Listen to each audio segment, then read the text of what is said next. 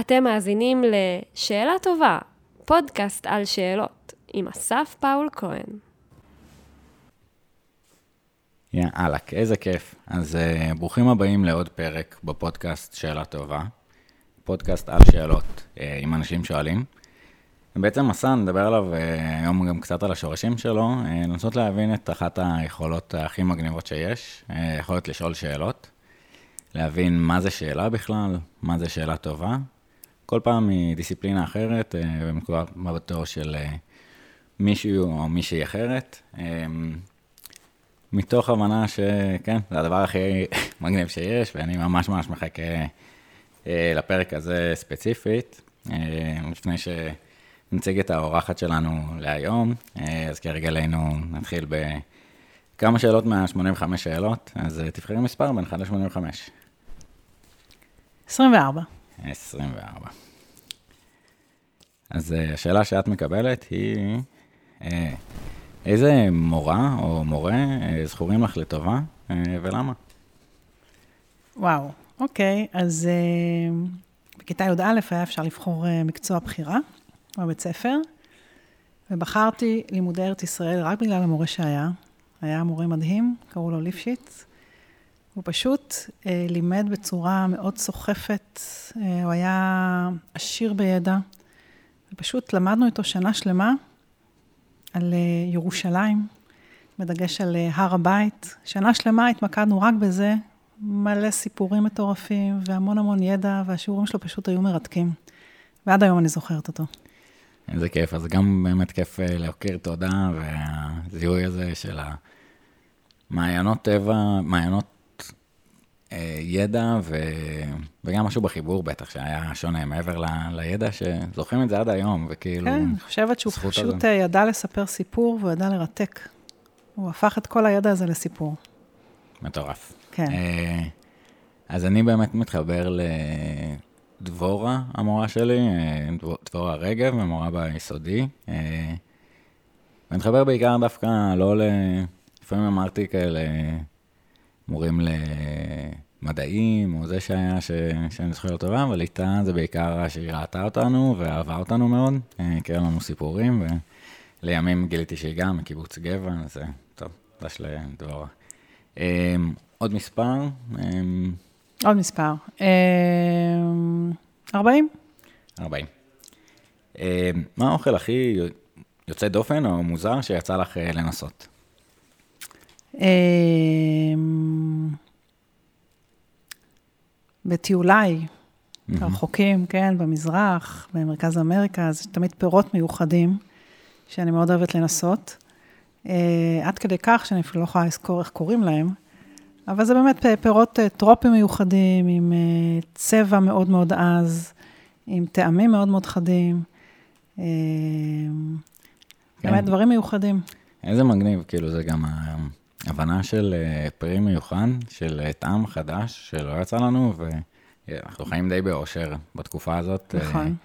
אז יש מלא פירות, אבל נכון. פתאום למצוא את הטעם הייחודי הזה, אני מאוד מתחבר אה, למקום של שאלה חדשה, כאילו, כן, זה טעם חדש, חדש, וזה. מראה חדש, וזה משהו שהרבה פעמים גם נראה כמו משהו שאף פעם לא ראית, עם קליפה מאוד מיוחדת, עם צבעים מאוד מיוחדים, מאוד מסקרן, זה מעורר את הסקרנות.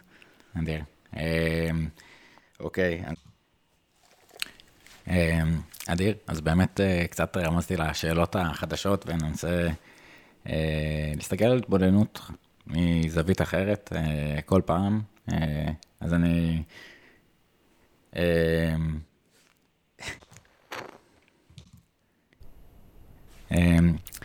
אז לפני שאני אציג אותך, עוד איזה פתיחת סוגריים, כי באמת יש לנו את הזמן והיינו קצת בהכרת תודה, אז אה, זה מגניב, המסע הזה התחיל אה, מהתזה שלי בעצם, חקרתי אה, מנהיגות כריזמטית וסנכרון מוחי, וחלק מהתהליך של ה... אוקיי, לנסות להתמקם בתוך השאלת מחקר, היה קצת להפריד את השאלות הגדולות ולקחת צעדים אחורה. אה, אז אוקיי, מה זה מג, ומה הטכנולוגיה, ומה זה סנכרון מוחי, ואיזה תדרים, והבנה יותר טכנית, אה, ושימוש ב-eye-tracker, אבל מעבר לזה, השאלות בסיס, אז אמרתי, אוקיי, רגע, מה זה מנהיגות כריזמטית, יש משהו במדע הזה שהוא כאילו קצת hard science, אבל ליד, כאילו כריזמה בכלל, זה איזשהו, אה, אפילו בהגדרה, זה משהו מיתי, והסתכלתי על המחקרים במאה שנה, 50 שנה האחרונות שיש לנו על אה, התנהגות אה, של מנהיגות, ויש בארץ די הרבה, גם אה, בועז ושמיר, ובועז שמיר ואחרים שככה מובילים את המחקר, אבל עדיין זה הרגיש כזה אפיק, אפיציקל קצת בטווח זמן שאנחנו קיימים או יודעים על העולם הזה.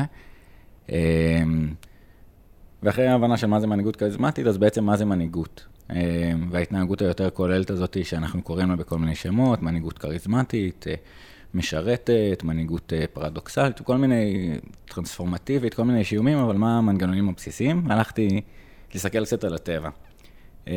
מנהיגות ב...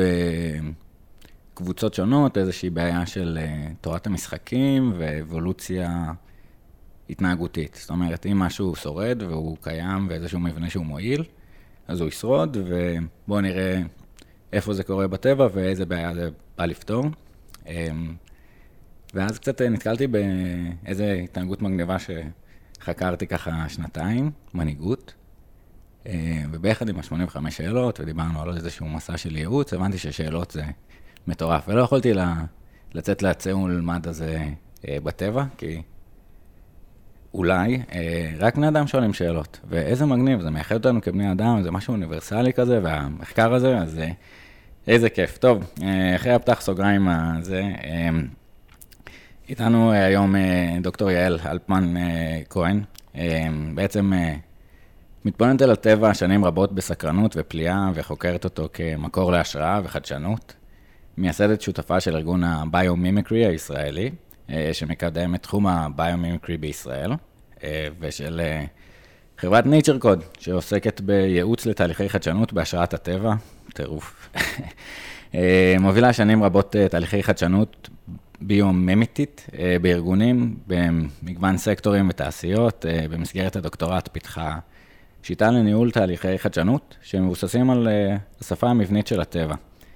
כותבת את הספר הטבע שאני, אה, שעוסק בחוכמת הטבע בהקשר של החיים האישיים והארגוניים שלנו, אה, ושל ספר המצאות הטבע, שעוסק בתחום הביומימיקרי, אה, והושק בקרוב, כל זאת ועוד. תודה. איזה, איזה טירוף, איזה נקודת מבט להגיע אליה לשיחה, ואני אתן עוד סוגריים קטנים. יש שיר של ויסלבה שמרובסקה של אה, אפשר ללא כותרת.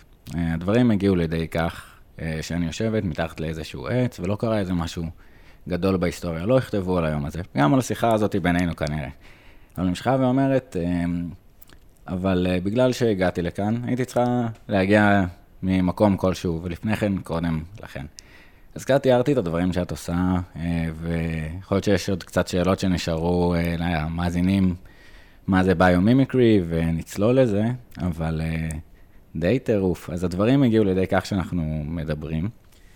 Uh, ואני שואל את עצמי, באיזה נקודה, אם יש בכלל, הבנת, וואו, איזה מגניב זה הדבר הזה, ולכאן אני הולכת. Uh, איזשהו נקודת מפנה, או איזשהו רגע יוריקה כזה שאמרת, טבע, ביומימיקרי, יש פה מה לעשות. כן, האמת היא שזה מעניין ככה להסתכל אחורה, כי אני לא בטוחה שזה ממש, איזה רגע ספציפי או נקודה ספציפית, אבל אני באמת, אה, טבע זה משהו שתמיד תמיד אהבתי, ברמה של אה, לטייל, הייתי גם מדריכה של אה, טיולים, הייתי קצינת חינוך בצבא, אז ככה התעסקתי בתכנים האלה. אבל אז כשהגיע רגע לבחור מקצוע, הלכתי באמת ללימודי הנדסה, ו... נכנסתי די מהר לעולם של ככה יזמות וחדשנות, ובתחילת דרכי הייתי בעיקר בכמה סטארט-אפים. וכשגיליתי את התחום הזה של הביומימיקרי, אה, דרך איזשהו פרויקט שעבדתי עליו, אז פתאום אה, הבנתי שיש כאן אה, איזשהו תחום שמשלב את כל מה שאני אוהבת. כאילו, יש פה גם הנדסה וגם טכנולוגיה וגם יזמות וגם חדשנות וגם טבע וגם סביבה. ובאמת אה, זה התחיל מלהיחשף לפיתוחים, ועוד פיתוחים ועוד פיתוחים, וכל אחד יותר מטורף מהשני, ואתה רואה את העוצמה הגדולה ואת הפוטנציאל הגדול לחדשנות.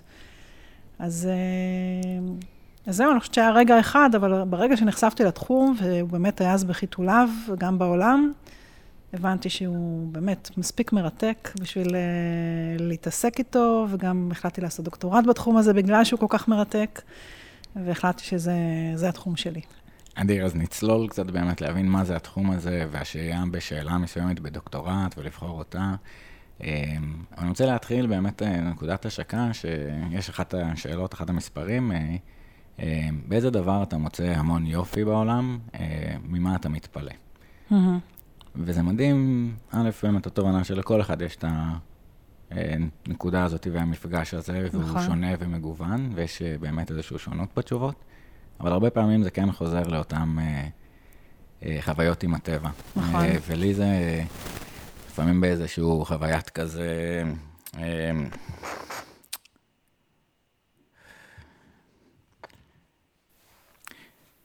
לי לפעמים זה כזה עולה תשובות של איזה חוויה מול הטבע, מול האוקיינוס, מול הירח, הכוכבים, איזשהו חוויה אה, כזה, לא משנה, הקמת את זה. אה, אבל הרבה פעמים זה דווקא במבנים ומין איזשהו תנועות של בעלי חיים, כאילו אותי מעיף אה, ריפים וההתנהגות המורכבת של המון זנים, קצת דיברנו על זה קודם, כן. ביחסים הסימביוטיים או בתכונות אה, של הטבע, אז באמת ההתבוננות הזאת של שאלות פליאה כאלה, כן. של... כן. אז, באמת, קודם כל, אני חושבת שהרבה אנשים שהם ככה נדרשים לדמיין את עצמם, או מתבקשים לדמיין את עצמם במקומות ככה שעושים להם טוב, הרבה פעמים זה יהיה בטבע. אני לא, לא חושבת שבדקו את זה סטטיסטית, אבל איכשהו זה נכון. אה, כשאנחנו מדמיינים את עצמנו במקומות, עושים לנו טוב, הרבה פעמים, הרבה פעמים זה בטבע. בטבע יש לו השפעה מאוד חיובית עלינו, כמו שתיארת, אה, בגלל היופי שלו, בגלל הרווחה שהוא מעורר בנו, הרוגע. אה, והטבע גם מאוד מזוהה עם, עם יופי, זאת אומרת, האורגניזמים בטבע הם הרבה פעמים יפים, כן? כמובן שיש יוצאים מהכלל, אבל בסך הכל יש הרבה יופי בטבע. והיופי בטבע הוא לא רק יפה לעיניים, הוא גם איזשהו חלון לתבונה ולחוכמה של הטבע. כי מאחורי היופי של הטבע מסתתרים הרבה פעמים מנגנונים שהם באמת יעילים, חכמים, אלגנטיים. ונדמה לי אמרסון, אה, פילוסוף שעסק הרבה מאוד בטבע, יעץ אה, בעצם אה, לחקור את העולם דרך, דרך היופי, ממש לעבור דרך מיופי ליופי, כי היופי הוא חלון באמת לתבונה שיש בטבע. וזה נורא נכון. הרבה פעמים מה שנראה לנו יפה, אם נצלול פנימה, נראה שיש פה איזשהו מנגנון אה, מרתק. כי היפה זה גם הנכון, זה גם האלגנטי, אה, זה גם ההוליסטי. יש הרבה תבונה מאחורי היופי של הטבע. איזה יופי, זה גם כאילו, אני מסתכל על זה, אה, דווקא של אלגנטיות ואסתטיקה, יש הרבה, בכלל מהו היפה, ו... אה, ככה יחסים מסוימים ומתמטיקה, אנחנו אומרים איזושהי יכולת אה, להקיף כמה שיותר במינימום זמן או בקוד אפילו, איזשהו יחסים אסתטיים, ובטבע יותר. מה שאותי מטריף זה כאילו המקום הראשוני הזה, זה איזושהי סקרנות, אתה יכול להסתכל על קורי עכביש ואיזשהו מבנה ייחודי, מטורף, יפהפה, יש איזשהו... אבל אז קצת נצלול למה זה ביומימקרי. יש פה בעצם שימוש בטכנולוגיה מטורפת, אה, ייחודית, אמרנו אולי לבני אדם, של לשאול שאלות. אה, ללכת לטבע וללמוד ממנו. אני חושב שזה, אותי העיף, כאילו, זו התובנה שאני חושב שהייתי גאה בה כזה בתזה, אמרתי, לא הוספתי איזה משהו לאקדמיה העולמית, כן. חוץ מזה, פעם שמישהו אמר, אז אתה כתבת? אה, ציטטתי את זה באיזה עבודונת. אבל ההבנה שלי של התובנה וה... הידע האבולוציוני הוא מטורף, והיכולת להבין בין אם סיטואציות חברתיות, אבל בין אם בעיות שאנחנו נתקלים בהן ביום-יום במוח האנושי שלנו, שאנחנו פותרים בעיות, הטבע פתר אותן כבר בדרכים אחרות, אז זה נכון. מטורף. אז נחזור לשאלות קצת, או אותם קורי עכביש, כאילו מה ביומימקרי, נפרק רגע, אוקיי. נלך להגדרות. ביו, חיים, נכון. ביוס. מימיקרי זה חיקוי, כן? Mm-hmm. חיקוי החיים. חיקוי הידע והתובנות שיש בעצם אה, בעולם החיים, בעולם הטבע. שהרעיון הוא שאנחנו אה, מתייחסים לטבע כאיזשהו מאגר מאוד מאוד גדול של אה, פתרונות, כרפרנס ממש להמצאות, לפטנטים, ואנחנו באים ללמוד ממנו באופן מודע. אנחנו מסתכלים עליו דרך, ה, דרך המשקפיים האלה, זאת אומרת, אפשר לראות בקורי עכביש משהו מאוד יפה, מסקרן, ואפשר אה, לראות בהם גם אה, אה, איזשהו מבנה מאוד חזק בטבע, מאוד יציב, ו- ו- ולחקור מה נותן לו את החוזק הזה, כדי לנסות לחקות אותו. אז זה כבר הרובד של הביומימיקרי. מטורף. אז שוב, הצל הולמד הזה עם השאלות, ו- ו- ומה שכיף זה שיש פה עולם נורא נורא עשיר של אה, דוגמאות ו- ומאמרים, אז ת- תעשירי נכון. אותנו ככה בסיפורים. אה, תוך כדי אני אתן אה, דוגמאות. לגמרי, אז, אז אני אומר, ניקח את אותו פליאה ואותו אה, רשת עכביש, אז אנחנו יכולים, אנחנו כצופים, לשאול את השאלות האלה, למה זה דווקא ככה, ואיך המבנה, ומה הוא משרת, אה, ומה אולי הדברים שאנחנו לא רואים, אה, אבל בסוף, כן, גם הייצור של אה, סיב שהוא מאוד מאוד חזק, שאולי אנחנו מייצרים בתעשיות אחרות ואנחנו יכולים, אז שואלים מהכיוון הזה, ו... וכן, ככה ספוילר, מה הקשר לציפורים שמתנגשות אה, בעזריאלי, ואולי איך הקורי עכביש עוזרים, אה, כן. כן, ככה סתם, אה, בתוך הסיפור, אה, רמת אה, ההנחתה, כאילו, כי זה, זה, זה מטורף בעיניי, נכון. היכולת והחיבור של טבע, שאלות לשינוי ממשי, טכנולוגי בטבע, של איך אנחנו תופסים אותו. נכון. הזכרת בתיווך שלך של הגילוי של זה, של... אז ברשותך, אולי קצת אה, נתחיל בכלל מה זה שאלה בעיניי, בתור אחת ששואלת שאלות הרבה מאוד מדהים. שנים, בעיקר את הטבע, אבל לא רק. אז בעיניי שאלה זה ממש אה, מנוע. זה מנוע. כשאנחנו מנסחים שאלה, בעצם השאלה, יש כבר פער בין מה שאנחנו לא יודעים, אוקיי? לבין מה שהיינו רוצים אה, לדעת. השאלה מנסחת את הפער הזה. והפער הזה הוא בעצם המנוע שמזמין אותנו ללכת ולחקור. אה, כשאנחנו רואים תופעה בטבע שהיא באמת אה, מעוררת פליאה, שם מתחילה בעצם החדשנות. הפליאה זה, זה הרגש של, של הסקרנות. אה, אנחנו מסתכלים על הטבע בצורה סקרנית, ודמיין לך איזה כזה מין מישור של סקרנות, כי אנחנו ככה מסתכלים על הטבע, ויש רגעים שפתאום המישור הזה קצת מתרומם. הרגעים של השיא, זה, זה, זה הרגעים של הפליאה. ושם מתחילה חדשנות, שם מתחילה, ה- שם מתחיל המחקר. גם אריסטו אמר, ראשית מחקר פליאה. זה בעצם כן. מניע את כל, ה, כל המחקר שלנו, כל ההתבוננות על הטבע. אז בעצם בתחום של הביומימיקרי, הרבה מאוד מהשאלות הן שאלות פליאה, שאנחנו רואים בטבע מנגנונים שמסקרנים אותנו, שאנחנו לא יודעים, שאנחנו באמת אה, אפילו בשוק מהביצועים של הטבע ומהיכולות שלו, ואנחנו לא יודעים איך זה קורה. ובמקום הזה, בפער הזה, אנחנו מתחילים לחקור כדי להבין איך זה מתרחש, כדי להבין את המנגנון, ואז גם כשנבין אותו באמת, נוכל אולי לחקות אותו, ולהעביר אותו לעולם הטכנולוגי, לעולם ההנדסי, לעולם הארגוני. אז מטורף. זה ממש ממש סוג אחד של שאלות. אמ, כשאנחנו בעצם באים מהטבע, מהכיוון של הטבע, כשעוד אין לנו איזושהי בעיה מוגדרת, אז מה שמוביל את החדשנות זה הפליאה הזאת, זה שאלות הפליאה. אני, אני קוראת לזה ביו-וואו. ממש, אה, יש פה איזה וואו שמזמין אותנו לחקור ולהעמיק. כשאנחנו באים הפוך מהכיוון של הטכנולוגיה, ויש לנו שהוא אתגר, מה זה אתגר טכנולוגי? אתגר טכנולוגי זה גם שאלה. כן, יש פה איזה משהו שאתה מתמודד איתו, שאתה לא באמת יודע איך לבצע אותו, איך לתכנן אותו, יש פה איזה פער בין מה שהיית רוצה שיקרה לבין מה שאתה יודע. ואז אנחנו הולכים לטבע ושואלים, איך הטבע היה פותר את האתגר הזה? זאת השאלה ששואלים את הטבע, והשאלה הזאת היא בעצם מובילה איזשהו תהליך של חיפוש לעבר הפתרונות של הטבע. וככה ממש גם מחפשים במאגרי מידע ביומימטיים, ברשת, ממש בצורה הזאת. אז, יש אז, פה ש- שני סוגים של שאלות בעצם. אז, אז כן, ננתח אותם, כי גם חלק מהמסע הזה היה לנסות להבין את הטיפולוגיה או את הטקסונומיה של שאלות, ומאיזה כיוון או באיזה אקוסיסטם הם פועלים. כן. ואני חושב שזה יפהפה גם מתוך ההגדרה שלך, באמת המינוח של הפער או היכולת שלנו לדבר על הדברים בין הידוע ללא ידוע. כן, אה, ולפעמים זה שאלות ורטיקליות כאלה נורא ספציפיות בדוקטורט אה, ספציפי, לפעמים אה, מכיוון אה, מתודולוגי או אינטרדיסציפלינרי, אבל השתי כיוונים האלה, השאלת פליאה הזאת, אז בואו נשאל קצת איך זה עובד, כאילו אנחנו רואים משהו שבעצם יש איזו אנומליה, איזשהו פער בין מה שאנחנו יודעים להסביר, או התפיסת המציאות שלנו, למה שאנחנו רואים בטבע, לאיזושהי עדות נכון. של דבר. ניתן דוגמה מגניבה. אה, אפרופו סיפור, אני אנסה ככה לרפרר ל- לאותו מורה.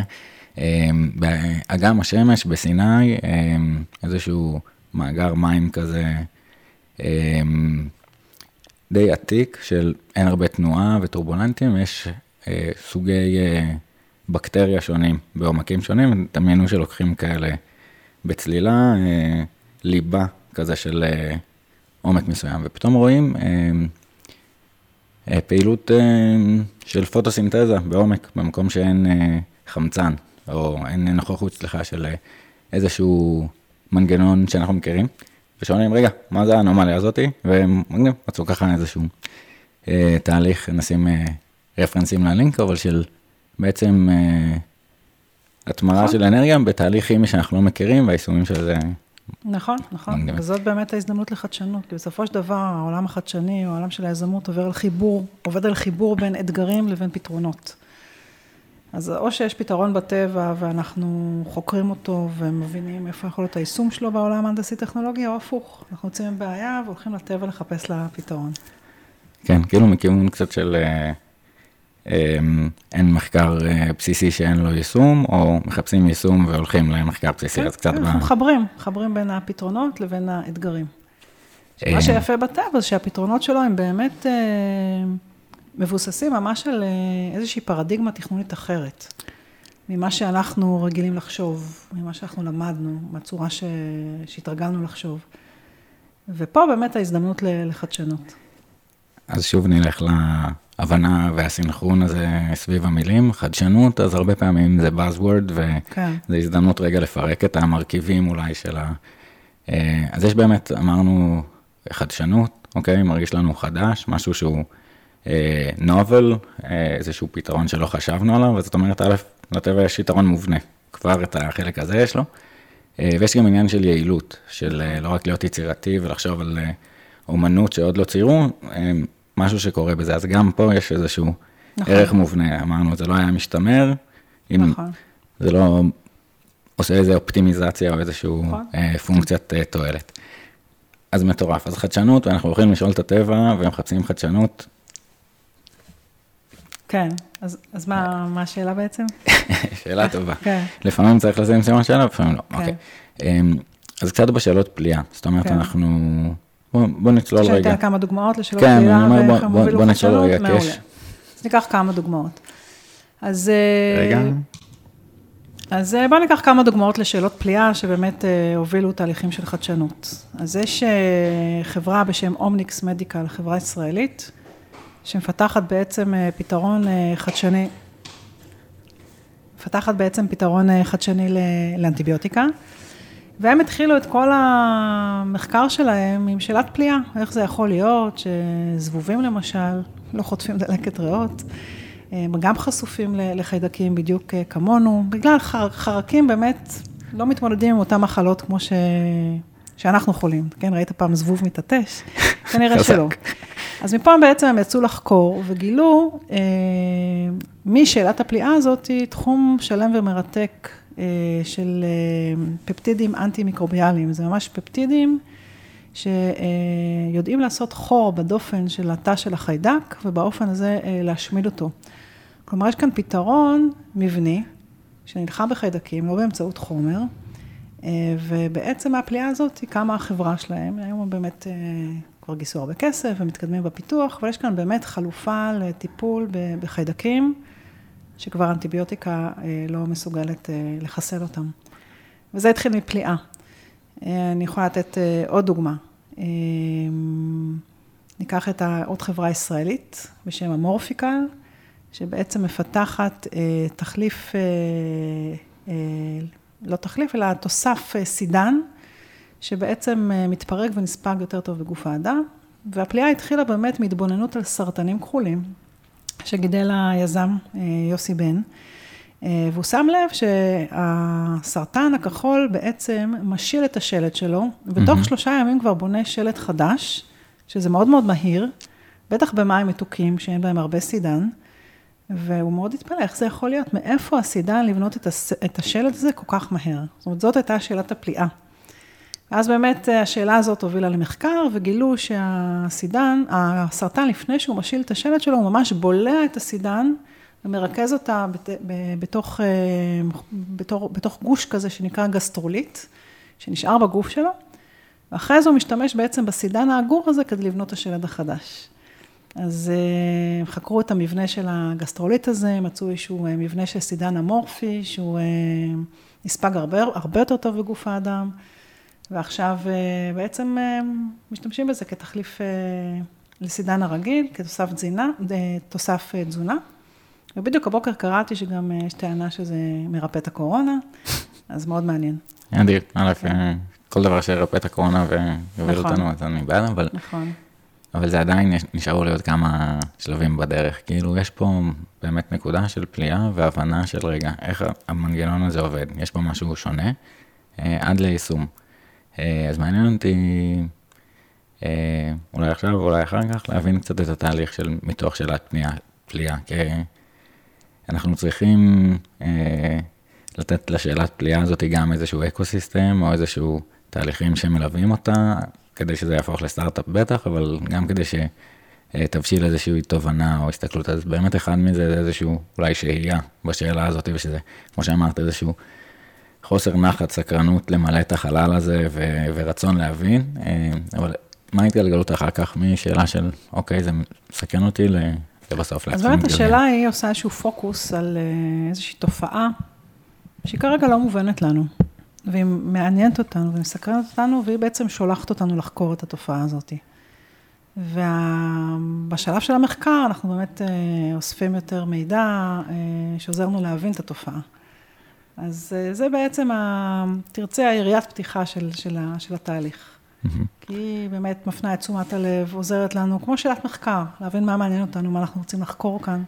ממקדת את התשומת לב, את המשאבי מחקר שלנו למקום מאוד מסוים, כדי להבין וללמוד אותו. אז זה מטורף, זאת אומרת, ההבנה שיש אה, צורת חשיבה כזאת של, אה, של פתרונות שהטבע מספק, אז א', מעניין אולי לדבר על התהליך מטה הזה קצת, קצת רמזת בפתרון ש, שהצבע, שהטבע נותן של מבנה ואיזשהו קונטקסט מבני יותר יעיל, ואנחנו בפתרון אנושי של חומר, ואיך אנחנו עושים מהמקום הזה. אז, אז מה באמת השיטות או ההמצאות הגדולות של הטבע, מה המנגנונים המרכזיים שבהם אנחנו רואים שהטבע פותר בעיות, או איזה בעיות אנחנו מסתכלים עליהן בהקשר הזה? אז בעצם הנחת היסוד היא שהכל אפשר לשנות את הטבע, ממש ככה. לכל שאלה יש תשובה. כי בעצם אנחנו גם חלק מהטבע, והרבה מאוד מהתופעות שאנחנו מתמודדים איתן כבר בעצם נפתרו בטבע. אז מגוון השאלות הוא רחב מאוד. אמ, מגוון הפתרונות, אנחנו בדרך כלל מסתכלים על פתרונות שהם מבניים. הרבה פעמים בטבע המבנים הם הלב של הפתרון, מבנים חכמים, אה, שזה גם, תחשוב על זה, מאוד יעיל. Mm-hmm. כי פעם אחת אתה מייצר מבנה, ו... וזה הפתרון בעצם, אתה לא צריך להמשיך לתחזק אותו אנרגטית. באיזשהו תהליך, זאת אומרת, כן, פתרון... כן, אז הרבה פעמים אנחנו חוקרים מבנים בטבע, אה, שיש להם כמובן פונקציונליות מסוימת, mm-hmm. תהליכים שאנחנו חוקרים בטבע, עקרונות, אנחנו מסתכלים על עקרונות בטבע, איך הטבע מתנהל בצורה מסוימת, ומיישמים את העקרונות האלה. למשל, דוגמה שהזכרת קודם, על ה... איך ציפורים לא מתנגשות במבנים, אז אה, אחד העקרונות שזיהו שם, שבעצם קורי עכביש מחזירים אה, בעצם אה, UV. וזה עיקרון שברגע שיישמו אותו על זכוכיות, הצליחו למנוע את ההתנגשויות של הציפורים. שזה בדיוק, אוקיי. כן, אז אז באמת, כאילו, אנחנו ניקח את הסיטואציה שדיברנו עליה של הקורי עכביש, ואולי התחילה מאיזו שאלת פליאה הפוכה כזה, איך אה, כל הקורי עכביש לא נהרסים על ידי ציפורים, או באמת יכולת כזאת של, וואלה, אין פה יעילות אם כל פעם היה משקיע, אוקיי, אני אומר, מושקע כאן אנרגיה די גדולה נכון, של העכביש הקטן הזה. נכון, עכביש בעצם טובי קורים, הרבה מאוד אנרגיה מושקעת בתביעה שלהם, בחומר שהוא מייצר. אם כל ציפור הייתה הורסת את הכורים, זה לא מאוד יעיל.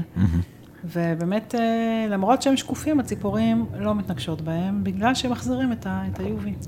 אז זה ממש עיקרון שברגע שהבינו אותו, זה העיקרון שיושם גם ביישום הטכנולוגי אחר כך. אבל אז, אז בואו נאתגר את זה, כי כאילו זה קצת קל, כי אנחנו כבר יודעים את הפתרון. נכון. אבל מאיפה זה הגיע? זאת אומרת, אז במקרה הזה ש... הסיפור המלא הוא דווקא התחיל מהבעיה, לא מהפתרון. זאת אומרת, איזושהי חברת זכוכיות גרמנית, שהייתה מודעת לבעיה הזאת כמו כל יצרני הזכוכית בעולם, זאת אומרת, זו בעיה שהייתה ידועה, וחיפשו פתרון, מבלי לפגוע בנראות האסתטית של הזכוכית, זאת אומרת, להתחיל להדביק עליה מדבקות, או זה, זה, לא, זה, לא, זה לא היה מתאים. ואיזשהו מכר של הבעלים של החברה קרא, פשוט קרא מאמר בעיתון, הוא היה חובב ככה עיתונות מדעית, קרא מאמר על, על עכבישים, ועל כך שהם באמת מחזירים את ה... שהכורים מחזירים את קרינת ה-UV, וזה מונע את ההתנגשויות. הוא עושה אחד ועוד אחד, שיתף את החבר שלו, שהוא הבעלים של החברה, שכנע אותו לחקור את הנושא הזה, וככה זה התחיל בעצם. מטורף. כאילו, יש פה גם עוד כמה סודות כאלה, אחד של הסקרנות והיכולת לקחת מנושא לנושא, אבל גם הביטחון פסיכולוגי. כאילו, אוקיי, הוא יזם ויכול לזה, אבל מה קשור עכשיו קורא עכביש? בוא, אנחנו מנסים לעשות עסק רציני. כאילו, היכולת לשהות בשאלה, גם שאלה שהיא תמימה, אה, ולחקור אותה ולשהות בה, אה, זה קסום. כאילו, יש המון מקומות נכון. שאנחנו מבטלים את השאלות. ולא שלא הייתה ו... שם סקפטיות בהתחלה, זה לא ש...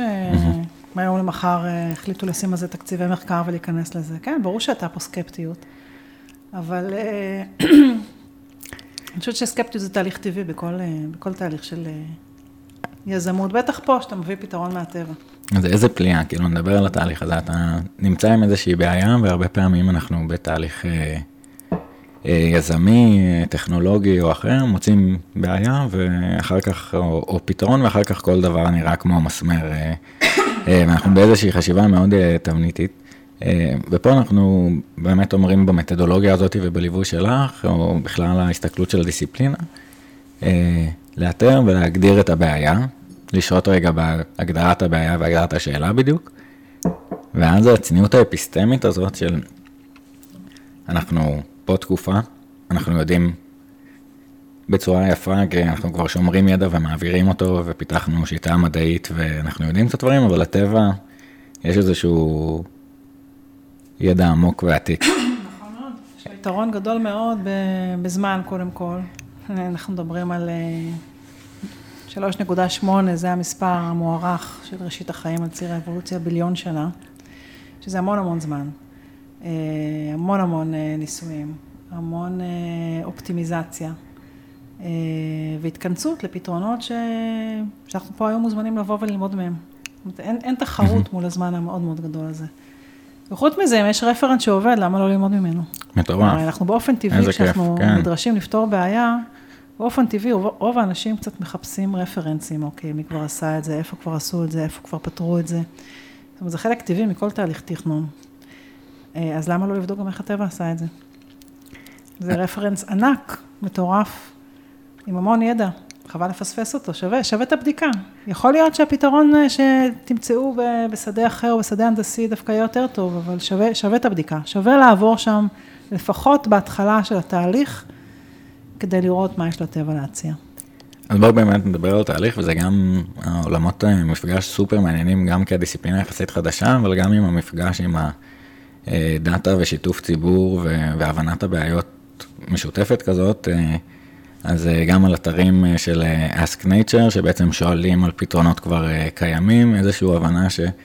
אני אומר, גם המורה שלך, אחד הדברים המגניבים בו זה שהוא החזיק בידע במוח. נכון. הוא ידע אותו, הוא לא היה בגוגל. אה, הוא ידע את הידע הזה. הוא היה, ידע אותו, אני חושבת שזה עכשיו שתי, שני הדוגמאות שעלו בסיפורים קשורים למה שאני עושה היום, גם באמת הלימודי ארץ ישראל, והמחקר, והסקרנות, והידע המטורף, וגם הפירות המטורפים שיש בטבע שהם מסקרנים, אז באמת אה, זה, זה ככה משהו משותף. אה, אבל כן, בעצם היום, אם אתה קצת רוצה לשמוע על התהליך, אז אנחנו, כמובן, אם אנחנו מתחילים מאיזשהו אתגר, כן, בוא ניקח בעיה. יש לך דוגמה לבעיה שאתה... לא, שתי כיוונים שחשבתי עליהם שמעסיקים כזה קצת אותי, אה, אז אחד זה אה, סינכרון של אה, רכבים, כאילו תנועה של מסונכרנת, ואיך אפשר להגביר תקשורת בין רכבים, והמעבר כאילו בין גורם האנושי, ושקשה לאלגוריתמים לאכול את זה, לבין סימלס כזה. אז איך הטבע פותר תנועה מסונכרנת. יפה, אז זו ממש השאלה שאפשר ללכת ולשאול, איך הטבע בעצם מסנכרן הרבה מאוד פרטים שנמצאים אה, ביחד, וזה ישר מוביל אותנו באמת לעולם של נחילים בטבע, כן, להקות של ציפורים, שעפות בהמוניהם, אה, נחיל של הרבה, שבאמת אה, גם זה להקות מאוד מאוד גדולות, והם לא מתנגשים אחד בשני, נמלים. יש שם באמת המון המון סנכרון שהוא מאוד מסקרן ומאוד uh, מעניין, בטח בהקשר של יישום לרכבים אוטונומיים למשל, שהעולם הולך לכיוון הזה. אז אפשר באמת לבוא ולהתחיל לחקור את מנגנוני הסנכרון שלהם, לשאול איך ציפורים לא מתנגשות, איך בעצם תנועה אחת קטנה של ציפור אחת מכוונת את המבנה של שאר הלהקה. אה, וזה משהו שנחקר, וממש ממדלים אותו, ממדלים אותו ברמת מידול, אה, ברמת האלגוריתם, של איך זה מתנהל למשל. אה, אז בהקשר של ציפורים, זה מודל דווקא די ותיק, אז יודעים שבעצם כל ציפור מגיבה לציפורים הסמוכות לה, וברגע שהיא משנה את ההתכווננות שלה או את הזווית שלה, הן בעצם משתנות בהתאם. זה קורה באמת בצורה מאוד מאוד מהירה, הן גם צריכות לשמור על מרחק קבוע. יש פה בעצם כמה... כמה הנחות עבודה נקרא- כאלה זה של... נקרא, בעיקרון זה נקרא כללים פשוטים. כן. זאת אומרת, יש, אה, מה שקורה ב... דיברנו על מנהיגות קודם, מהמם. מה שקורה בנחילים האלה זה שאין מנהיג בעצם, אין איזושהי מנהיגות מרכזית, אין מנהל מרכזי. טוב. אה, יש בעצם קבוצה של המון פרטים שמתנהלת בארגון עצמי, נקרא Self-Organization. אה, כשכל פרט בעצם צריך להקפיד על כמה כללים פשוטים. במקרה של הציפור למשל, זה לשמור על מרחק קבוע אה, משאר החברים, אה, לשנות את הכיוון בהתאם לאחרים וכולי. וברגע שכל פרט מקפיד על הכללים האלה, נוצרת איזושהי תבונה ברמת הנחיל. כן, במקרה של הציפור, זה, ציפורים זה המבנה של הלהקה או הצורה שלה משתנה בהתאם לזרימה, בהתאם לסכנות שיש באזור וכולי. אז, אה, אז ככה, ככה נוצר, נוצר בעצם הסנכרון. אה, אם נלך על אה, הרבה למשל, כן? אז מגיע לך נחיל של הרבה, שזה באמת המון המון המון פרטים. המון המון מידע עובר שם. לא יכול להיות שכל פרט יאבד את המידע ברמת רעש שמגיע מהמם. מכל הלהקה. שזה באמת, אי אפשר לאבד כל כך הרבה כמויות של מידע. אז מה שגילו בהרבה, שזה מאוד מעניין, שהרעש ש, ש, שבעצם עובר, אה, יש מעין, אה, מעין אה, וסת כזה של איזה מידע עובר לעיבוד, לעיבוד, ה. לעיבוד המוח של הרבה ואיזה לא. אז רק מידע שבעצם מסכן את הפרט בהתנגשות, כלומר איזשהו פרט שנמצא סמוך אליו, קרוב אליו, שהוא עלול להתנגש בו, רק הרעש הזה בעצם עובר את התהליך של העיבוד המוחי. אסף אה, כן. גירוי, מטורף. כן, וככה בעצם, אה, ואת זה למשל, חברת וולבו לקחה ופיתחה איזשהו מנגנון אה, שמונע התנגשויות ברכבים, שמיועד באמת לרכבים אוטונומיים. כי גם בעצם, תחשוב על צי מכוניות של רכבים אוטונומיים, כמה מידע יש שם. צריך באמת לנהל אותו בצורה חכמה, להקדיש את משאבי העיבוד של המחשב בצורה חכמה, ובאמת אה, לאתר את ההתנגשויות הפוטנציאליות ולא, ולא מידע שהוא רעש. כן, מטורף, מטורף. ו- וכאילו, אני חושב ששני שתי, שתי נקודות שאספתי מהתשובה, שמעניין אולי להתעכב עליהם, אחד זה באמת הפתרונות הפשוטים כביכול אה, של הטבע. אוקיי, בעיה סופר מורכבת, סינכרון של לפעמים נחילי דגים של אה, אלפי ועשרות אלפי פריטים, אה, ובאיזשהו אלגוריתם ניבוי פשוט עם הכוח אה, עיבוד שיש במוח או ברמת הזה, אז, אז פתרונות פשוטים עובדים, שזה מגניב כאילו באמת לאתר את הניקיון הזה. אה, האתגר הוא באמת אה, לפצח את האלגוריתם, כי כשאתה מסתכל על ההתנהגות של פרט אחד, אתה לא תמיד יכול להבין איך זה משפיע על ההתנהגות של כל הקבוצה. אז הרבה פעמים עושים פה ממש ניסוי וטעילה, משע... טעייה, משערים מה האלגוריתם, מה הכללים הפשוטים, ובעזרת סימולציות של מחשב מריצים ורואים את ההתנהגות. של הקבוצה, עד שבעצם מדייקים את האלגוריתם, רואים שזה האלגוריתם הנכון. שאני חושב שכאילו זה גם עוד איתור, ניסיתי לאתגר קודם כזה, אמרתי לך, רגע, מה הבעיות שהטבע בכלל מנסה לפתור, כאילו, מה, באופן כללי. מה, כן, וכאילו זו שאלה נכון, מפגרת, אבל, שאלה אבל גדולה. טובה. בסופו של דבר, באמת, המקום של אה, המידע כאילו נראה לי חוזר על עצמו מעניין, כאילו, כי את אומרת, יש איזשהו CPO מוגבל, ואנחנו רוצים לעשות דברים, אה, וכאילו הפתרונות שונים, כאילו אנחנו קצת עושים modeling עכשיו של Deep Neural Networks ומבינים קצת איך המוח ומנסים להשליך, אבל כאילו פתרונות של הטבע בעיבוד סיגנלים והבנת המציאות ולפעול בצורה מיטבית, או שוב, לא יודע מהו הטוב. בסופו של דבר, הכוח, הטבע מונע מהישרדות, והפתרונות שאנחנו רואים בטבע הם באמת פתרונות שהם אה, אה, דוחפים לכיוון של יעילות במיצוי של משאבי חומר ואנרגיה, אה, אופטימיזציה. ובעצם הדרך של הטבע באמת לעשות את זה, בין היתר, זה נושא של סינכרון, טיפול נכון במידע, טיפול נכון במשאבי חומר, מיצוי טוב של משאבי אנרגיה. אה, זה מה שאפשר ללמוד מהטבע. שגם בוא נתעכב רגע על האנרגיה, כי זה גם כאילו לפתחנו, אפרופו השלכות אה, נכון. של הקורונה שאנחנו עוד לא מבינים, אז עכשיו אנחנו מתחילים להבין את ההשלכות של המהפכה התעשייתית ושאלות שלא שאלנו את עצמנו אז, איך זה משפיע על המשבר האקלימי, אקולוגי, אה, אבל בתוך המהפכה הזאת של, ההשפעות, אז אוקיי, נשאל את זה מהכיוון הזה. לפעמים באמת מדברים על דברים שהצליח, אוקיי, אנרגיות.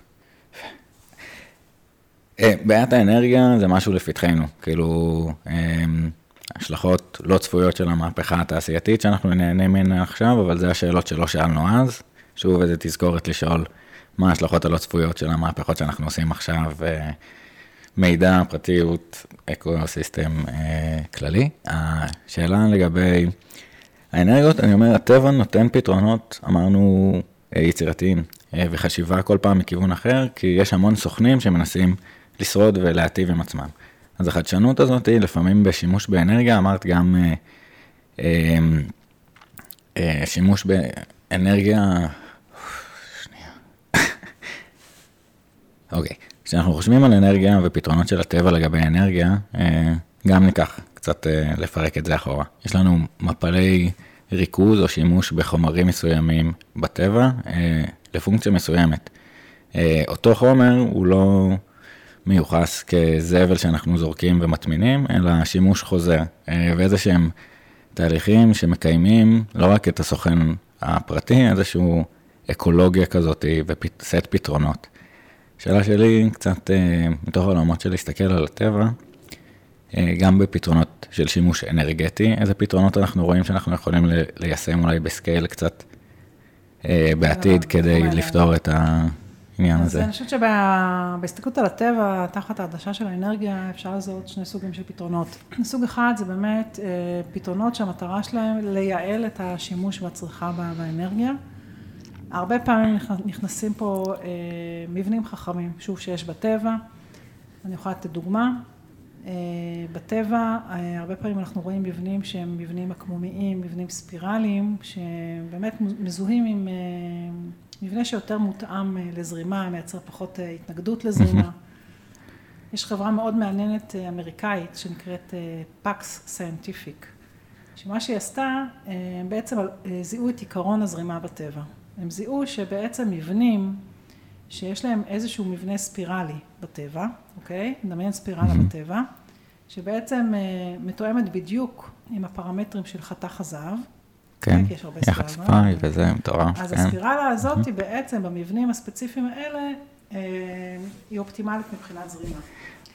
אה, ומה שהם עושים היום, בעצם הם מייצרים כל מיני פתרונות בתחום של מדחפים ומאווררים ומערבלים.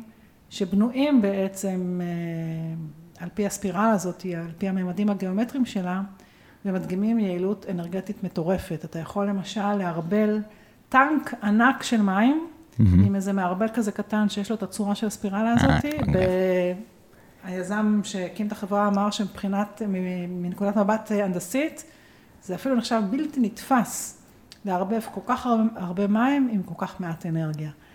אז זה, זה דוגמה לסוג של פתרונות מהטבע שמכוונים אותנו באמת לשימוש יותר יעיל.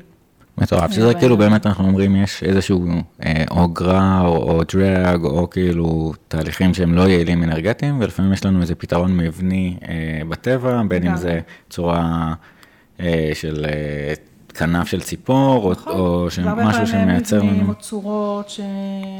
אבל זה ברמת ה... זה ברמת... במקום להשקיע 100 יחידות אנרגיה, אני חסכתי. פחות, כן. זה ברמת היעילות, זה סוג אחד של. פתרונות. באמת, ויש עוד הרבה מאוד דוגמאות לזה, גם אה, ציפויים אה, שמפחיתים גרר. אתה יודע שאור הכריש, יש עליו שיניים קטנות, שהן. פשוט אה, מפחיתות גרר. כן. מה הקשר בין זה לאין תורפ, כן, היה את כל ה... באולימפיאדת אוסטרליה, אני כן, כן, כזה של... השיקו בגד ים, אבל אני אקח אותך לשימוש, שאנחנו מדברים פה. על קיימות, משהו קצת יותר, אה, יותר משמעותי. יש היום ציפויים למטוסים, שהם מבוססים על האפקט הזה של אפקט הכריש, שמפחיתים גרר בצורה משמעותית. ממש ככה, שהם צובעים מטוסים בציפויים האלה, מצפים אותם, וזה מפחית את הגרר בצורה משמעותית. אז זה כן. עוד דוגמה ליעילות. זה כאילו גם יש. משהו פשוט גם, שוב, השילוב של הצניעות האפיסטמית, אה, עם קצת לשים בצד את הפתרונות הכוחניים לפעמים התעשייתיים שהיה נכון. לנו, מטוס כאילו היה צריך לטוס ויאללה, נעיף טוב, כאילו משהו קצת יותר להבין. נכון, אה, כי אנחנו באופן אינטואיטיבי. תשאל מהנדס, באופן אינטואיטיבי, כשיש לו בעיה, הקלף הראשון שהוא שולף זה אנרגיה. אוקיי, אז בואו נוסיף יותר אנרגיה, נפתור את הבעיה. והטבע, הקלף הראשון שהוא שולף זה מבנה. זה לא יהיה אנרגיה. מטורף. בואו נייצר פה מבנה חכם ונחסוך את האנרגיה. יש מלא מלא דוגמאות לזה, והרבה מאוד פיתוחים בתחום הזה של דינמיקת הזרימה, של אה, תנועה יותר יעילה, תנועה עם פחות התנגדות, שזה הרבה פעמים אה, פתרונות מבניים. קצירה של אנרגיית רוח בצורה יותר יעילה, כי הטורבינה, הלהבים שלהם לא חלקים, אלא יש עליהם בליטות, שאת זה למדו מ- מ- מסתפרים של לוויתן למשל. אז זה סוג אחד של פתרונות. סוג אחר בתחום של האנרגיה זה בעצם איך אנחנו יכולים אה, למצוא מקורות אחרים לאנרגיה, אה, שהם כמובן לא מבוססים על אה, דלקים פוסיליים, לא מזהמים, מקורות של אנרגיה מתחדשת. אז יש גם פה כל מיני מחקרים מעניינים. לא תמיד הכל ישים מבחינת הסקייל, כשאתה מעביר את זה לעולם ההנדסי הטכנולוגי, אבל אתה רואה הרבה פעמים בטבע שימוש במקורות אנרגיה שאנחנו בכלל לא חשבנו להשתמש בהם. למשל, שימוש בלחות כמקור אנרגיה.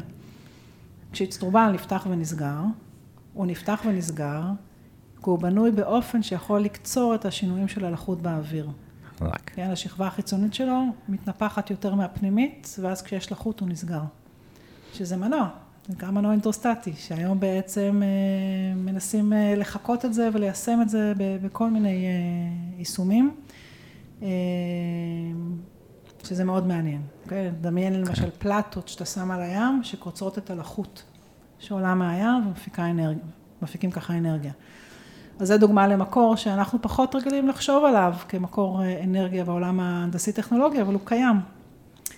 אה, וכמובן, אה, הבסיס זה כל הנושא של הפוטוסינתזה. שיש לנו פה אור בשפע, יש לנו שמש, ואיך אנחנו באמת, באמת מצליחים לחקות את התהליך הזה ולהפיק אנרגיה כמו צמחים שניתן לאגור אותה. אה, לא אנרגיה פוטו-וולטאית או אנרגיה טרמית, אלא באמת אנרגיה שניתן לאגור אותה, וזה תחום אה, מרתק, שיכול להיות פריצת דרך משמעותית בעולם כש... שנפצח אותו.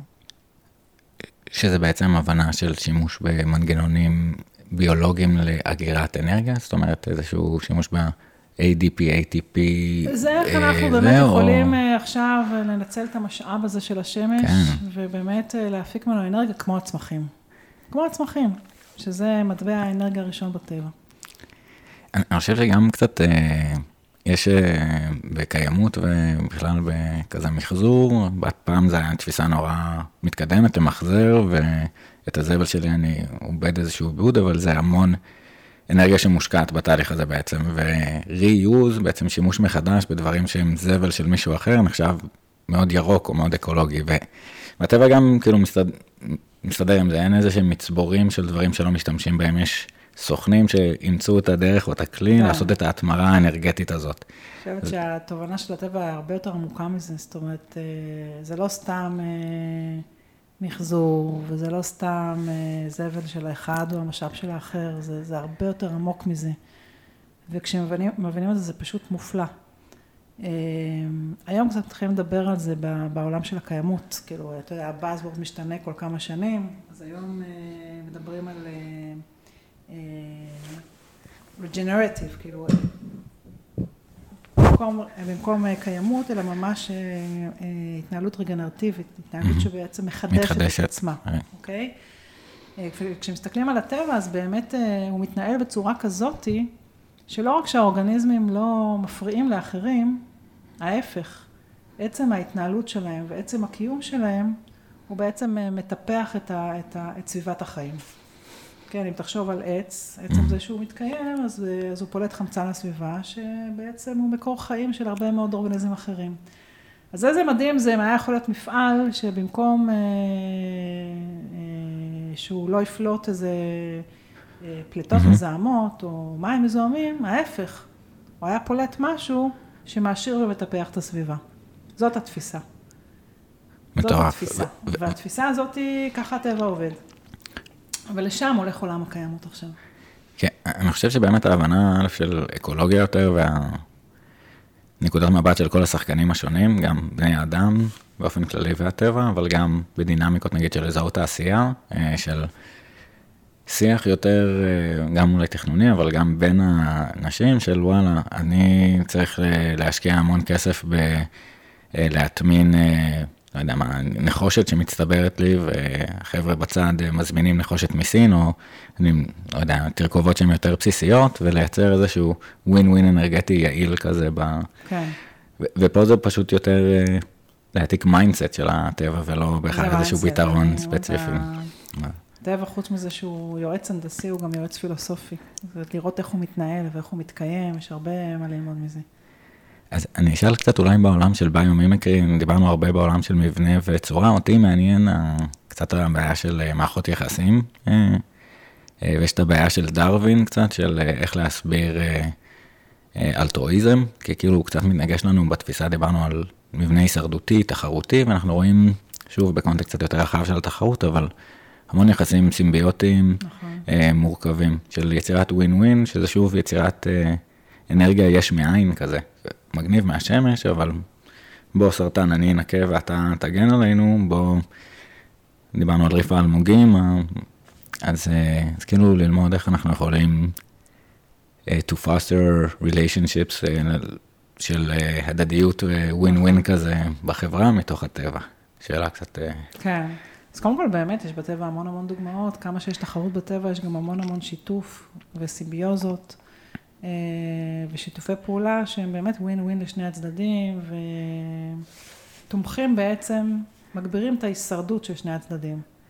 עכשיו יש את הדוגמאות הקלאסיות שבטח כולם מכירים, אה, דג השושנון ושושנת הים, אה, הנפת הבקר והבקר, ודוגמאות פחות מוכרות, כן, ממש אה, ציפור ונחש. אז שהציפור, זה, זה נחש בועה, שציפור הצל עושה צל על הביצים שלו שהם לא יתחממו, ועל הדרך גם אה, שמה את הביצים שלה באותו קן, והנחש מגן עליה. באמת, אה, באמת דוגמאות מטורפ, מטורפות לכל מיני שיתופי פעולה, שבסופו של דבר מגדילים את היכולת שלנו, אה, של האורגניזם לשרוד. אז יש הרבה ערך בשיתוף, אני חושבת שגם ארגונים עסקיים מבינים את זה. הרבה פעמים, מה שנקרא שיתופי פעולה זה דרך אה, להתפתח, לצמוח, אה, לגדול, לעשות קפיצת מדרגה. זה משהו דווקא מאוד קיים בעולם העסקי. וגם אלטרואיזם יש בטבע. כמה שזה מדהים, אבל יש הרבה דוגמאות לאל- לאלטרואיזם בטבע, בעלי חיים שמסכנים את עצמם ומתריעים כשמגיע איזשהו טורף. נכון, אבל עדיין כאילו מה שמגניב שאנחנו מצליחים לשמר את ה...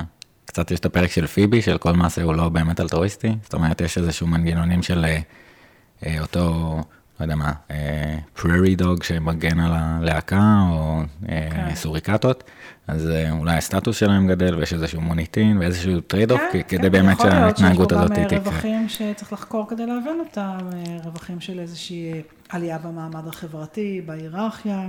בסוף פריון וכזה, אבל כן. כאילו באמת איך אנחנו עושים אה, מבנית, מעודדים התנהגויות הדדיות או של אה, לקיחת אה, ביחד. יש אה, דוגמה מגניבה של אה, אלגוריתם, דיברנו על פתרון בעיות, אז של בעיה של דילמת האסיר, אה, הרבה סוכנים שמדברים עם סוכנים אחרים, אה, ואיזה אלגוריתם ממקסם תועלת. אז אה, מצאו אה, tit for tat, זאת אומרת, אתה מתחיל בהתנהגות שהיא הדדית, סליחה, אלטרואיסטית או בגישה חיובית, ואם אתה נהנה התנהגות כזאת, אתה מחזיר בהתנהגות חיובית בהמשך, ופעם ש... אתה נסוג, כן. אתה נסוג, ומה שמגניב זה גם כאילו מגן על עצמו ממוטציות ולנצל את המערכת, וכאילו, השאלה איפה אנחנו יכולים, אה, כן, למרכב, את- לתת יותר מקום אה, לשיתופי פעולה וווין ווינס, אה, גם מתוך ההדדיות הזאת, אה, לאנרגיה חינמית, פשוט בשיתופי פעולה. אני אומר, יאללה, תכירו אחד את השני, דברו 85 שאלות, כן. כל אחד מהכיוון שלו, ותעשו טוב, אבל... אה, לגמרי, אני חושבת שעצם העובדה שאנחנו רואים את התופעות האלה גם בטבע, דרך אגב, גם על, אה, לאסטרטגיה הזאת שציינת עכשיו, יש דוגמאות בטבע. עשו איזה מחקר על, אה, על דגי זהב, ששמו אותם, ב... מכיר את המחקר הזה? לא. לקחו דגים, שמו דג, שמו אותם באיזשהו אה, אקווריום אה, עם מראה. ואז אה, לפי כיוון המראה, הוא פעם אחת חשב שהוא אה, הדג השני, כאילו, זה הוא בעצם, אה, הוא שוחה בכיוון שלו, ופעם אחת בכיוון ההפוך. וממש ראו שכשהוא חשב שהדג הסמוך, שזה בעצם הוא שוחה יחד איתו, הוא המשיך להתקדם קדימה. וכשהוא נסג, נס, היה נסוג, כי המראה הייתה הפוכה, אז הוא גם נסוג. זה ממש הדגמה של האסטרטגיה כן, הזאת. איזשהו approach בסיסי כזה, כן. כן, מעניין. אז אה, אני חושבת שבעצם, אה, עצם העובדה שאנחנו פותחים את העיניים ורואים שהתופעות האלה נמצאות גם בטבע, אה, ומקבלים דוגמאות יפות והשראה מהסיפורים האלה, בזה בהחלט משהו, קודם כל ששם את הספוט ואת התשומת לב ל, ל, להתנהגויות האלה ומעודד להתנהג בהתאם. מגניב לאללה. אז, אז באמת נחזור רגע ל- לפריזמה של השאלת שאלות. אנחנו כל פעם מדברים עם אה, מישהו או מישהי שחלק מהעיסוק שלהם העמוק. ודיברנו קצת על מה זה שאלה. אה, בואו ננסה לאפיין קצת אה, מהי שאלה טובה, מה מאפיין אותה, איזה פרמטרים יש לשאלה טובה. אז בעיניי שאלה טובה, קודם כל היא שאלה ששמה את המנוע הזה או את הפער הזה שציינתי קודם, בצורה שהיא באמת מניעה אותך לפעול. מהמם. מה זאת אומרת? שהיא מספיק, הפער הזה מספיק גדול כדי שתזיז את התחת ותלך לחקור ולעשות משהו, כי זה מספיק מסקרן, כי זה מספיק מעניין, כי יש פה איזה פער שבא לך לסגור אותו. ומצד שני שהוא לא יהיה גדול מדי, כי לפעמים כשהפער גדול מדי, אתה לא יודע מאיפה להתחיל בכלל ואתה מרים ידיים. אה, אז ז- זאת שאלה טובה בעיניי. זאת אומרת, אם תשאל שאלה שאתה לא יודע אפילו מאיפה להתחיל לחקור אותה, אז זה ייגמר פה פחות או יותר. אה, שאלה שאתה יודע מה הצעד הראשון שאתה צריך לעשות כדי אה, להתחיל אה, לחפש תשובות. מדהים. גם כאילו, ואם אתה לא, אז אולי תפרק את השאלה לשאלה קצת יותר קטנה, קצת... לשאול דקארט ומגניב, וגם להוציא החוצה. זאת אומרת, להתייעץ ולהבין עם השאלה כן. במקומות נוספים. אני חושב ש... אה, באמת שאלה שמעוררת פליאה ואיזושהי אסתטיקה, כזה מאוד לקחתי. היכולת רגע להתנתק מהרעש שיש לנו העירוני וההתחברות הזאת בטבע של סקרנות שלב שתיים, שלוש מעבר, של שהייה של למה זה הדבר הזה ככה, למה הפרחים הסתובבו לשמש, וואי, ואיך זה, אתמול זה לא היה ככה. ושנייה. להיכנס עוד, אה, בדיוק, ויש לי עוד דוגמה לתת ככה בהקשר של מה זה שאלה טובה ואיך משנים את השאלה כשנתקעים. אה, אז אה, סיפור אמיתי, ניסו איזושהי חברת שטיחים מובילה בעולם בשם אינטרפייס, הכניסה את התחום של ביומימיקרי, ויצא בעצם לחפש פתרון לאחת הבעיות הגדולות שהיו בעולם השטיחים. אה, שטיחים אה, בעצם אה, מקיר לקיר, מגיעים בדרך כלל בריבועים כאלה, שפשוט מדביקים אותם על הרצפה, כדי שהם לא יזוזו. והדבק הזה הוא בעייתי, כי הוא גם פוגע ברצפה, ואחרי זה קשה לפרק את השטיח ולמחזר אותו, ודבקים מכילים טוקסינים, שאחר כך אנחנו נושמים אותם, ובעצם ניסו למצוא דרך אחרת לחבר את, ה, את השטיח. אה, אז בהתחלה הם יצאו לטבע ושאלו איך אפשר, איך הטבע בעצם מדביק, איך הוא מחבר דברים, והגיעו למנגנון של הסממית. עכשיו, הסממית כמובן מתחברת לקירות, יש לה שערות ברגליים, והשערות האלה בעצם הולכות ומתפצלות ומתפתלות ויוצרות בעצם שטח פנים מאוד מאוד גדול, שמתחבר לקיר באמצעות אה, כוח, שדה חשמלי חלש, כוחות אה, ונדר ואלס. וואי, מגניב. והם נדלקו על הכיוון הזה והחליטו אה, ליישם אותו, והגיעו די מהר, מה שנקרא ל-dead end בעולם הפיתוח, אה, קלטו שהמבנה הזה מאוד מורכב, הטכנולוגיה עוד לא קיימת, אה, מאוד מסובך, זה R&D מאוד מאוד ארוך, ייקח להם הרבה שנים כדי להטמיע את זה, והם הגיעו בעצם ל-dead end. ואז הם החליטו לשאול את השאלה אחרת, במקום לשאול איך הטבע מחבר, אוקיי?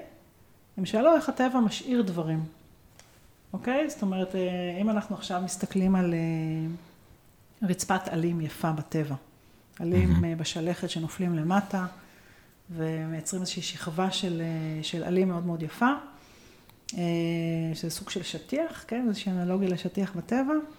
אפשר לשאול בעצם לא איך העלים האלה בעצם אה, התחברו אה, לקרקע, אלא מה בעצם אה, מאפשר להם להישאר שם.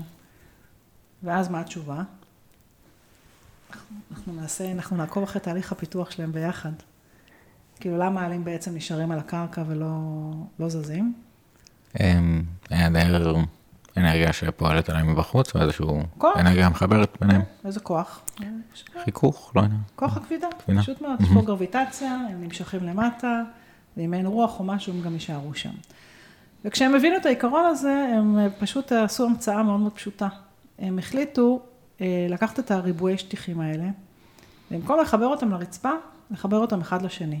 אז הם המציאו מין מדבקות כאלה קטנות, ששמים בעצם בקצה של ארבעה ריבועים כאלה, ומחברים אותם ביחד, ובעצם יוצרים משטח מאוד מאוד גדול, שמהמשקל שלו הוא מונח על, ה, על, על הרצפה, נתחם על ידי הדפנות של החדר, וזה לא זז. אז אה, באופן. הזה כן. הם בעצם על ידי ניסוח אחר של השאלה, מטורף. הם הצליחו לפתור את הבעיה. אז ניתן קצת רפרנסים אה, גם לפני שנסיים עוד מקומות אה, לקרוא ולהסתכל, אני אמליץ על הספר של What Makes a Good Question של בעצם מסתכל על שוב שיטות קצת אה, אה, המצאתיות, איזשהו ניתוח של אה, למה זה ככה קורה, אה, מה אם זה היה אחרת ואיך אנחנו יכולים לעשות את זה, אה, אז כמה לינקים לדברים האלה, דיברנו על Ask Nature, שזה באמת איזשהו חיבור של database, של שאלות שאנחנו יכולים לראות ופתרונות אה, של הטבע. אני מאוד ממליץ אה, בטלגרם, נשים גם לינק אה, לארגון הביומימיקרי, סיפורים של כזה, וואי, מעיף לי את הסכך, אה, לדעת על פתרונות של אה, איך אה, לובסטר משפיע על איך אתם מתחממים, או איך נמלים מתקשרות ביניהם, ואלף ואחד דברים סופר מומלץ. מה עוד ככה היית... אז באמת דרך הארגון אפשר גם להגיע לבלוג שנקרא חדשנות מהטבע, שמפורסמים שם, בטח שם קראת המון המון סיפורי חדשנות. גם אה, יש את ה database שאני פיתחתי בדוקטורט, שנקרא אמ-המ. Find Structure, שגם שם יש המון המון, אה, אפשר לחפש שם פתרונות בטבע, ולמצוא uh, עוד מידע על כל מיני מנגנונים מעניינים בטבע. זהו, הרשת מלאה, מלאה בסיפורים והמצאות, ופשוט צריך להדליק את החיישן הזה שמתחיל להסתכל על הטבע בצורה כזאת, ולשאול שאלות. כשאתם רואים משהו בטבע, אז מעבר לזה שהוא יפה, זאת אומרת אם הוא יפה הוא משך את תשומת ליבנו, אבל מה השאלה הבאה זה מה המשמעות שלו, למה הוא בנוי בצורה כזאת ולא אחרת, איזה קשר יש בינו לבין הסביבה, בטח ב, ב, בדברים שאתם לא יודעים, ואז זה ככה מניע ללכת ולחפש את התשובה. מדהים. אני גם, אני גם מאוד לקחתי את המקום של ההסתכלות האינטרס... דיסציפלינרית, כאילו מישהו אולי פתר את הבעיה הזאת מכיוון אחר. אה, וזה יכול להיות הטבע, אה, וזה יכול להיות אה, בתחומים משיקים, סתם אנחנו פיתחנו איזשהו מוצר לקבוצות כדורסל, למאמנים, דיברנו על זה קצת ב... הסתכלנו על כל מיני סוגי ממשקים, גם של הצבא, גם של איזשהו תהליכי סינכרון כאלה של זה, גם בפוטבול, כאילו מאוד דומה, אבל זה פתרונות שונים, ו... אה, באמת האינטרדיסציפלינריות הזאת היא פתרון שאנחנו מלבישים עליו, ראינו את זה הרבה בפרסי נובל בכלכלה, שפשוט לוקחים עיקרון די פשוט מפסיכולוגיה, מרכיבים אותו ווואלה. לגמרי. מפצח קצת פרדיגמות. בין התחומים יש אה, תנועה באמת של אה, חשיבה חדשנית. בסופו של דבר ביומימיקרי זה, זה איזשהו תכנון מבוסס אנלוגיה. זאת אומרת, אנחנו רואים פה פתרון בעולם תוכן אחד ומעבירים אותו לעולם תוכן אחר. כל אנלוגיה תמיד תייצר חדשנות, והמחקרים אה, תומכים בזה. במקרה הזה התכנסנו לדבר על אנלוגיות מהטבע, אבל כמובן שכדאי לבדוק עוד תחומים, לראות עוד תחומים, ולאפשר לידע הזה לעבור בין התחומים, כי אם הידע גם עובר צורת חשיבה אחרת, וככה נוצרת התנועה שמחוללת אה, דברים חדשים. אדיר, אז באמת דיברנו על אנרגיה ועל אה, דברים שקרו בעולם, אז איזה כיף שהשבילים אה, שלנו נפגשו ושל כל האנשים ששמעו את השיחה הזאת. אנצל את ההזדמנות להגיד תודה לירדן חזן, מאזין שלנו, יצר קשר והמליץ ככה שנעשה את השיחה הזאת, ועוד איזה שיתופי פעולה עם ה-85 שאלות, אז גם ככה הזמנה פתוחה ל... שמעתם, יש לכם הצעות לפרקים, לשיתופי פעולה, תפנו, אני עף על זה. וזהו, אנחנו נסיים, אם היית יכולה לתת uh, טיפ או עצה, uh, לעם היושב בציון, לכל האנשים שכאן בארץ, איך לעשות שימוש יותר טוב בשאלות, ובכלל שיהיה לנו כאן יותר טוב, מה היית אומרת? קודם כל לשאול, לא צריך לפחד לשאול. איזה שאלה זה כלי אדיר, שבעצם אה, אולי באמת מייחד אותנו, כמו שאמרת, האנשים. אה, ולהתחיל לשחק עם זה, לשאול שאלות, לראות לאיפה זה לוקח אותנו, אה, כלי מאוד חזק.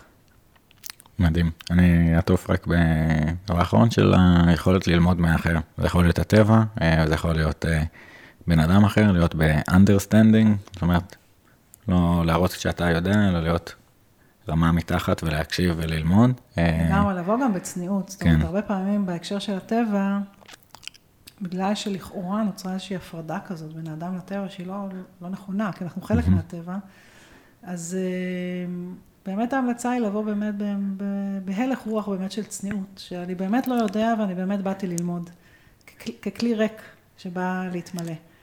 זה נכון אה, לכל מי ששואל שאלה, ובטח גם למי שמסתכל או מסתובב בטבע. מדהים. אז איזו חכם הלומד מכל אדם ולומד מהטבע. איזה, יאללה, פיפס קטן בעולם הזה, אה, ברצף של זמן ו- ועשייה ומגניב. אז אה, טוב, תודה ששמעתם ונתראה בפרק הבא. תודה רבה. תודה רבה, יעל. להתראות.